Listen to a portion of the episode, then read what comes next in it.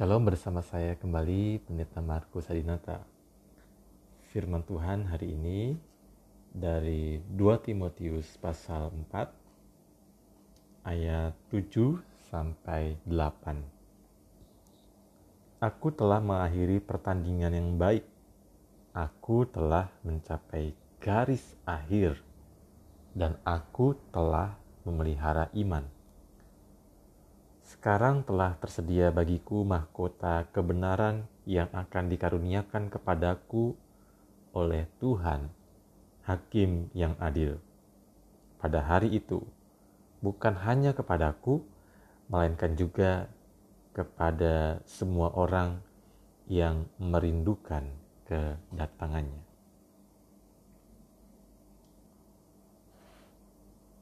Saudara yang dikasih Tuhan, ada sebuah kisah di mana bulan-bulan yang panjang dan sulit telah berlalu bagi si pencari berlian dari Venezuela yang bernama Rafael Solano. Pada tahun 1942, ia memutuskan untuk mencoba peruntungannya di dasar sungai kering dari tanah kelahirannya. Seperti ribuan penduduk lainnya, Solano adalah seorang miskin dengan keberuntungan yang mulai menipis.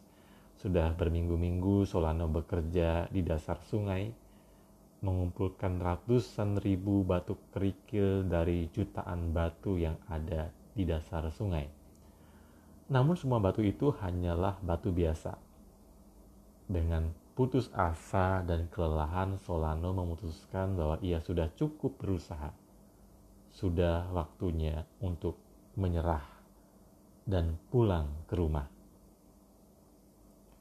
Untuk satu usaha terakhir, walau hampir putus asa dan dengan sebuah ledakan tekad ia berlutut dan menenggelamkan tangannya ke dalam tanah. Ia mengatakan pada dirinya sendiri bahwa dia telah memberikan segalanya Ketika ia menarik tangannya dari tumpukan batu, ia mencengkeram batu berlapis pasir seukuran telur ayam. Batu itu nampak berbeda dan jauh lebih berat dibandingkan dengan batu yang lain. Ia mengukur serta menimbangnya, dan rasionya memang luar biasa besar. Mungkinkah? Ya, itu permata. Harry Winston, pedagang perhiasan dari New York, membayar Solano dengan jumlah yang sangat besar untuk belian kasar yang dikenal sebagai The Liberator. Permata ini dinyatakan sebagai salah satu permata terbesar dan termurni yang pernah ditemukan di dunia. Apa yang kita bisa petik dari kisah tadi? Kadang kita seperti Solano, kita merasa sudah melakukan segala sesuatunya dengan sekuat tenaga, dengan sekuat pikiran kita, segenap waktu kita. Dan kita tidak melihat hasil sehingga kita putus asa, mulai menyerah dan kalah. Kalau itu yang sedang kita rasakan, maka kita juga patut belajar dari seorang yang bernama Paulus. Pelayanannya tidak selalu berjalan mudah, ada begitu banyak tantangan hambatan.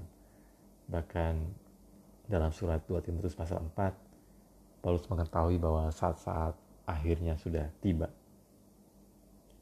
Tetapi dia mengatakan kepada Timotius bahwa dirinya telah mengakhiri pertandingan yang baik.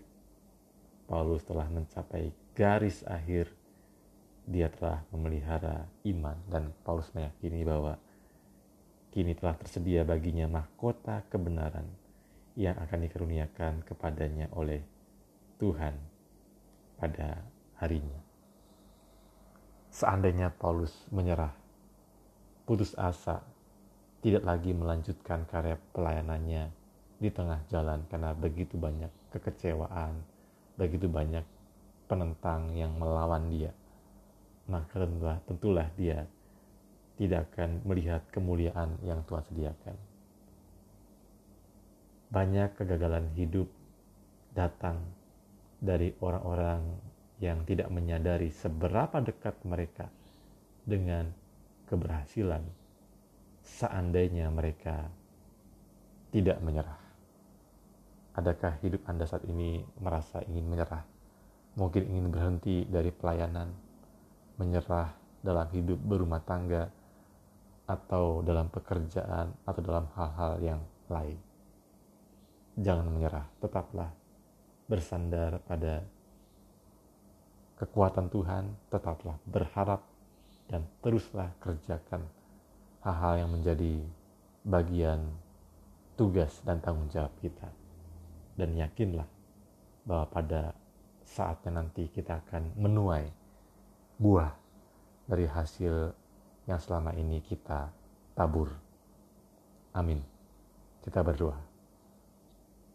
Tuhan, terima kasih kami sungguh diberkati oleh Tuhan dari kisah hidup Paulus yang telah mengakhiri pertandingan iman yang telah mencapai garis finish.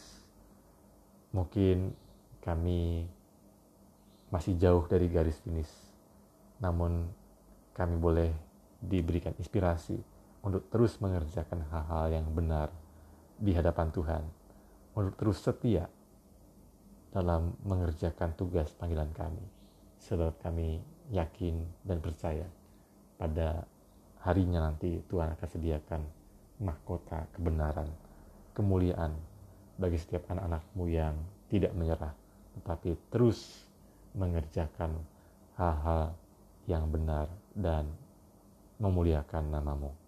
Dalam Kristus kami berdoa. Amin.